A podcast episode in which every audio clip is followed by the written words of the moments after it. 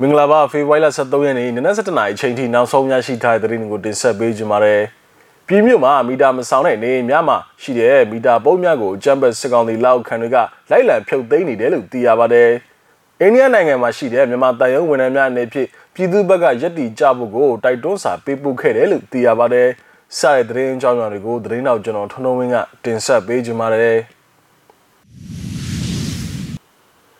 ပထမဆုံးအနေနဲ့တင်ဆက်ပေးခြင်းတဲ့သတင်းကတော့ပဲခူးတိုင်းဒေသကြီးအနောက်ဘက်ချမ်းပြည်မြို့မှာဖေဖော်ဝါရီလဒုတိယဘက်ကစတင်ပြီးတော့အကြမ်းဖက်စစ်ကောင်စီလက်အောက်ခံလက်စစ်ဝန်ထမ်းတွေကမီတာခမပေးဆောင်တဲ့နေများမှာရှိတဲ့မီတာပုံးများကိုလိုက်လံဖြုတ်သိမ်းနေတယ်လို့ဒေသခံများထံကသိရပါတယ်။မြို့ပေါ်ရက်ကွက်များဖြစ်ကြတဲ့အောင်ဆန်းရက်ကွက်၊ရွှေတကားရက်ကွက်၊ရွှေဘဲရက်ကွက်ဖះကြီးဖះတိုးချက်ဆယ်များဝင်းတို့မှာမီတာပုံးများအများဆုံးဖြုတ်သိမ်းခံရခြင်းပဲဖြစ်ပါတယ်။ EBC ကကောင်းတွေလာပြီးတော့မီတာပုံးကိုအတင်းလာဖြုတ်သွားတာ ကျွန်တော်တို့ကအာနာစာသိမ်းတဲ့ချိန်ကစပြီးမီတာမဆောင်တော့အခုဆိုတစ်နှစ်ရှိပြီပေါ့မီတာရုံးကဝန်ထမ်းတွေကကျွန်တော်တို့မီတာကပြန်ဆောင်မယ်ဆိုရင်တော့ခွဲဆောင်လို့မရဘူးတဲ့အားလုံးဆောင်ရမယ်ဆိုပြီးပြောဆိုသွားတယ်လို့မီတာဘုတ်ဖြုတ်သိမ်းခံရသူအမျိုးသားတို့ကပြောဆိုပါတယ်မီတာဘုတ်များဖြုတ်သိမ်းအောင်တာမကမီတာရုံးဝန်ထမ်းများကနေပိုင်ရှင်များကိုချင်းချောက်ပြောဆိုမှုတွေလည်းပြုလုပ်သွားပါသေးတယ်မီတာဘုတ်လာဖြုတ်တဲ့နေ့ကကျမတို့ကို25ရက်နောက်ဆုံးထားပြီးမီတာခလာဆောင်ပါတယ်မဆောင်ရင်စစ်သားတွေနဲ့အိမ်ဒီလိုက်လာမယ်လို့ပြောဆိုသွားတယ်ကျမတို့ကမီတာခချ က်6သိန်းကျော်ကျတယ်လို့ဒေသခံမျိုးသမီးတူကဆိုပါတယ်မြေရောက်ဒေါ်လာရဲ့ဖွဲ့တစ်ခုဖြစ်တဲ့ပြည်မြို့မြေရောက်ပျောက်ကြားတပ်ဖွဲ့ PUGF မှာ၎င်းတို့ရဲ့လူမှုကွန်ဆိုင်းမနာမှာပြည်သူများရဲ့မီတာပုံးများကိုအတင်းကျပ်ဖြုတ်သိမ်းပြီးတော့ချင်းချောက်ပြောဆိုခဲ့တဲ့အကြမ်းဖက်စစ်ကောင်စီလောက်ခံလက်စစ်မီတာရုံးကိုသတိပေးစာရေးသားထားပါသေးတယ်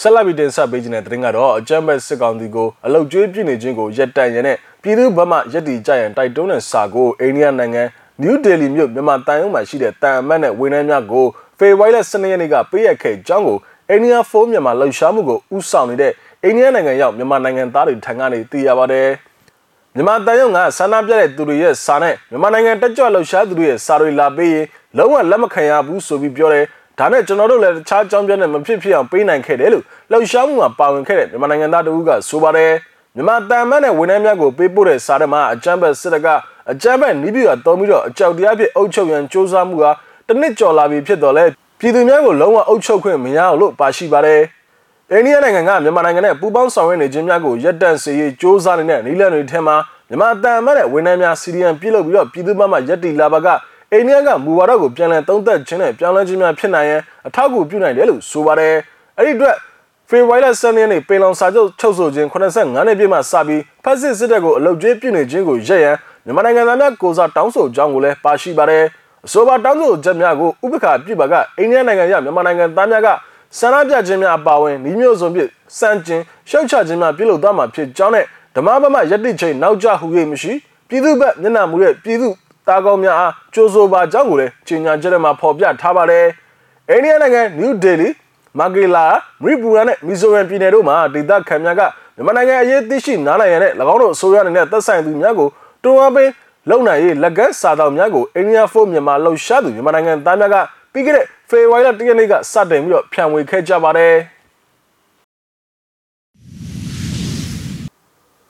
နောက်ထပ်အနေနဲ့နိုင်ငံတကာသတင်းတစ်ပုဒ်ကိုလည်းတင်ဆက်ပေးကြပါမယ်။ ရုရှားနိုင်ငံကယူကရိန်းနိုင်ငံကိုအိုလံပစ်ပွဲတော်ကာလအပါအဝင်အချိန်မီကျူးကျော်လာနိုင်တယ်လို့ဘလင်ကင်ကပြောဆိုလိုက်ပါတယ်။အပြည့်စုံကိုတော့မြစည်းမသတင်းဌာနကတင်ဆက်ပေးထားတာပါ။နားထောင်ကြည့်ရအောင်ပါ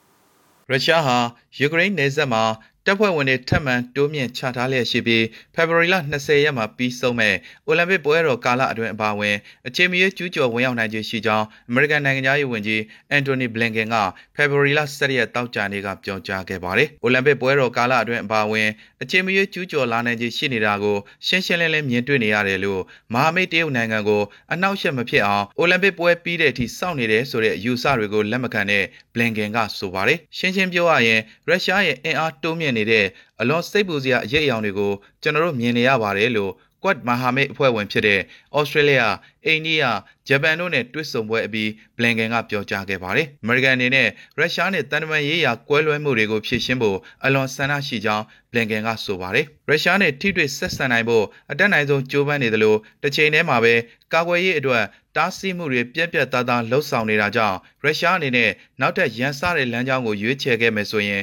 ကြီးမားတဲ့အကျိုးဆက်တွေကိုရင်ဆိုင်ရလိမ့်မယ်လို့ဘလင်ကန်ကပြောကြားခဲ့ပါတယ်။ စစ်ပွဲဟာပုံမနိကတ်လာပြီဖြစ်ကြောင်းလူသိရှင်ကြားအချက်ပြမှုအဖြစ်ယူကရိန်းမှာရှိတဲ့အမေရိကန်နိုင်ငံသားတွေကိုချက်ချင်းထွက်ခွာဖို့တမ်မတဂျိုးဘိုင်ဒန်ကတိုက်တွန်းလိုက်ချိန်မှာဘလင်ကန်ရဲ့အခုလိုမှတ်ချက်ထွက်ပေါ်လာခဲ့တာဖြစ်ပါတယ်။အမေရိကန်နိုင်ငံသားတွေအနေနဲ့ယူကရိန်းကနေချက်ချင်းထွက်ခွာပါလို့ဘိုင်ဒန်က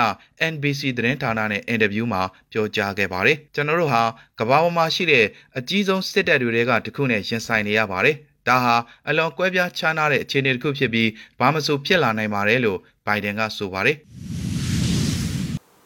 နောက်ဆုံးအနေနဲ့တင်ဆက်ပေးခြင်းတဲ့သတင်းကတော့ ABSDF ចောင်းသားတက်မတော်ကကရင်ပြည်နယ်မှာရှိတဲ့ရဲဘော်တွေကိုရိုက်ကူးထားတဲ့မှတ်တမ်းရုပ်သံဗီဒီယိုဖိုင်တစ်ခုကိုဖွင့်ပြပေးခြင်းပါတယ်။